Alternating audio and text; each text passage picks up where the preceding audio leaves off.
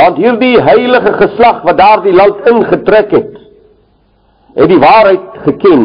Hulle het die ware God gehaat en aanbid. Wat het hulle gemaak? Hulle het hom verloor in hulle die goderye van Egipte land aanbid.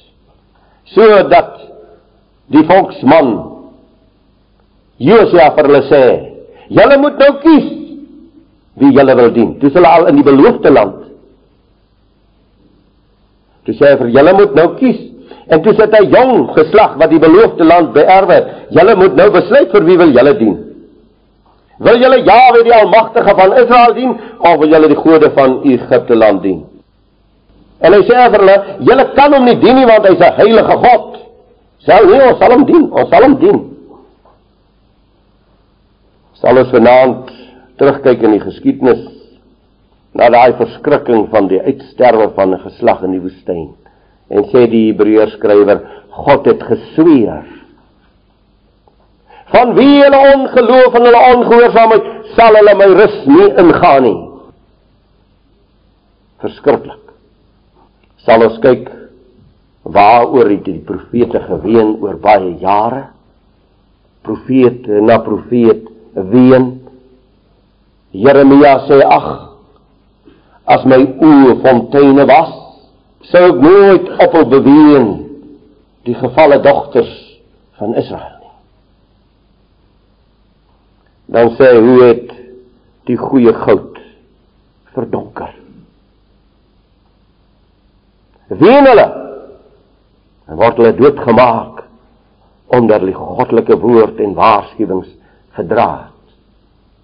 Wanneer Jeremia optree en skerp optree want hy's 'n profeet wat baie skerp opgetree het. Dan gooi die koning hom in 'n put. Hy wil die woord van God nie hoor nie. So ook die volk. Sal ons terugkyk na die skrikwekking. Die skrikwekkende van die verwoesting van die ballingskap. 'n Heilige volk.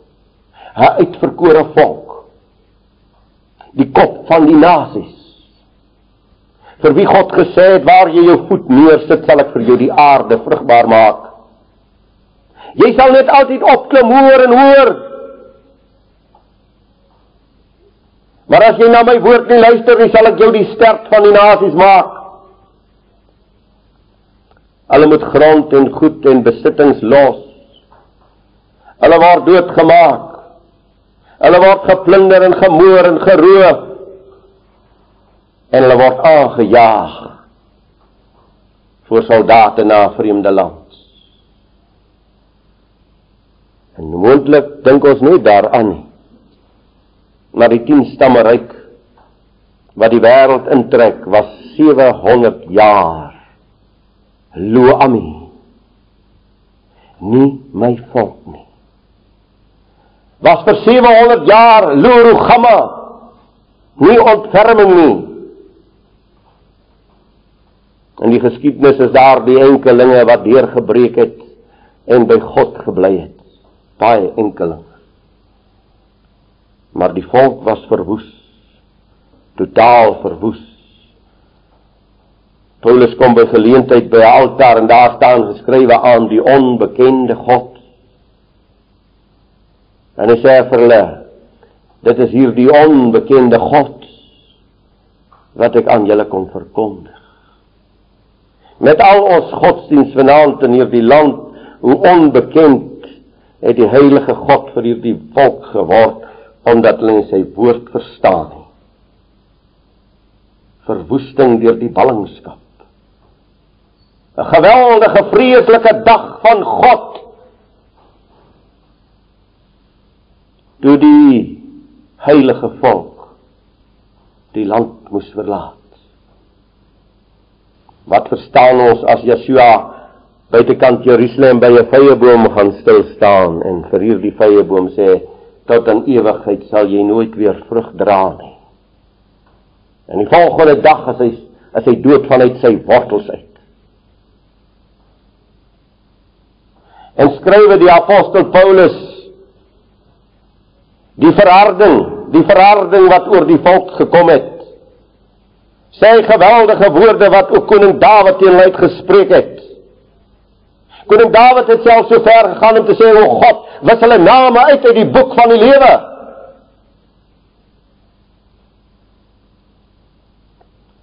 Verskriklike vrugtelose volk. Die heidene en die barbaar hanteer hom deur die eeue omdat hy so maklik verleibaar is. En die vervloektes van die volk kan tot in ewigheid nooit weer vrug dra nie. Verval hulle onder die kommunisme en word hulle die grootste kommuniste in die wêreld. Liberaliste en humaniste wat die geregtigheid en die liefde van God glad nie verstaan nie, daarvan 'n veeverhaaltjie maak. En kyk ons na die tydvak na ons verlosser se koms na hierdie wêreld. Die verskriklike donker eeue. Waar hulle weer twis en tweedrag en vyandskap vanuit die eerste eeu teen die waarheid van die goddelike woord in allerlei dwaalrigtings in hardloop tot die boos hulle oorneem in die magstruktuur van die Rooms-Katolieke Kerk. En is die Bybel vasgeketting in 'n klooster. Sit die heilige volk van God in die Europa wêreld sonder die woord van God. En dit is 'n klomp lang manteldraers wat preek en praat wat hulle wil. Volle beheer en volle mag. Sodat hulle die geslag van God vanaf die kansel kan vervloek.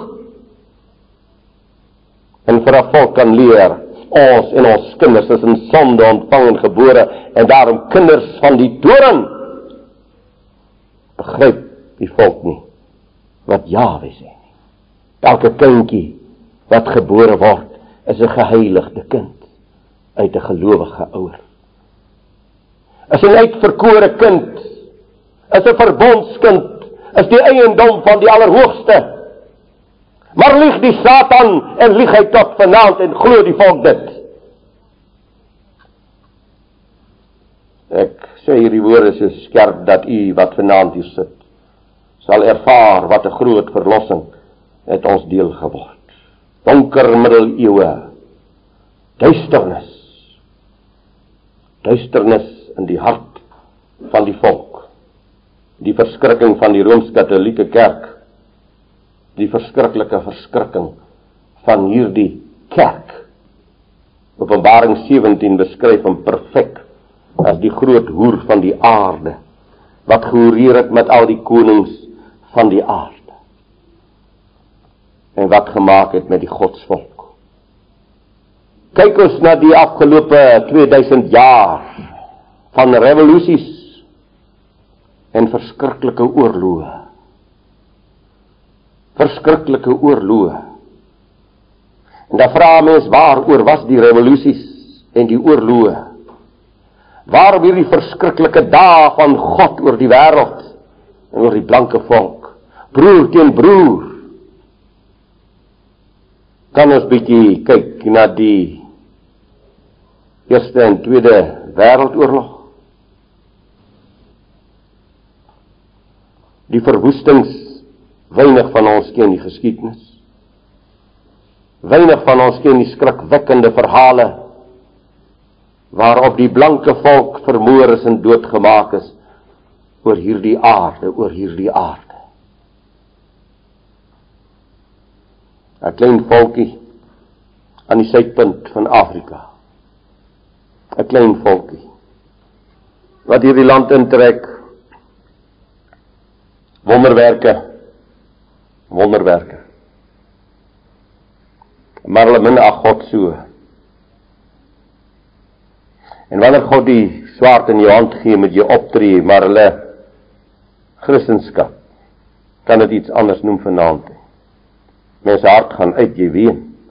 Jy sê nie hierdie dinge met enige verwaandheid of wat ook al, arrogantheid jy weet in jou binneste dat 'n volk hom nie tot sy God kon keer nie. En kindertjies en vrouens sterwe in die konsentrasiekampe op skrikwekkende wyse. En dan staan ons vanaand in hierdie land en ons staan in 'n geweldige land. 'n Land van geweld, van verwoesting. Waar die barbaar die heilige volk moet onderrig. Waar die barbaar die woord vir God se volk bedien. Waar die wit volk hardloop om gereinig te word of gesond gemaak te word. Deur een wat paradeer in die beeld van die lig. En sterwe ons kinders deur draks en drank en seks en duiwel aanbidding. 'n Klein volk onder die strawende hand van die heilige God. En vreeslik is dit om in sy hand te val. Vreeslik.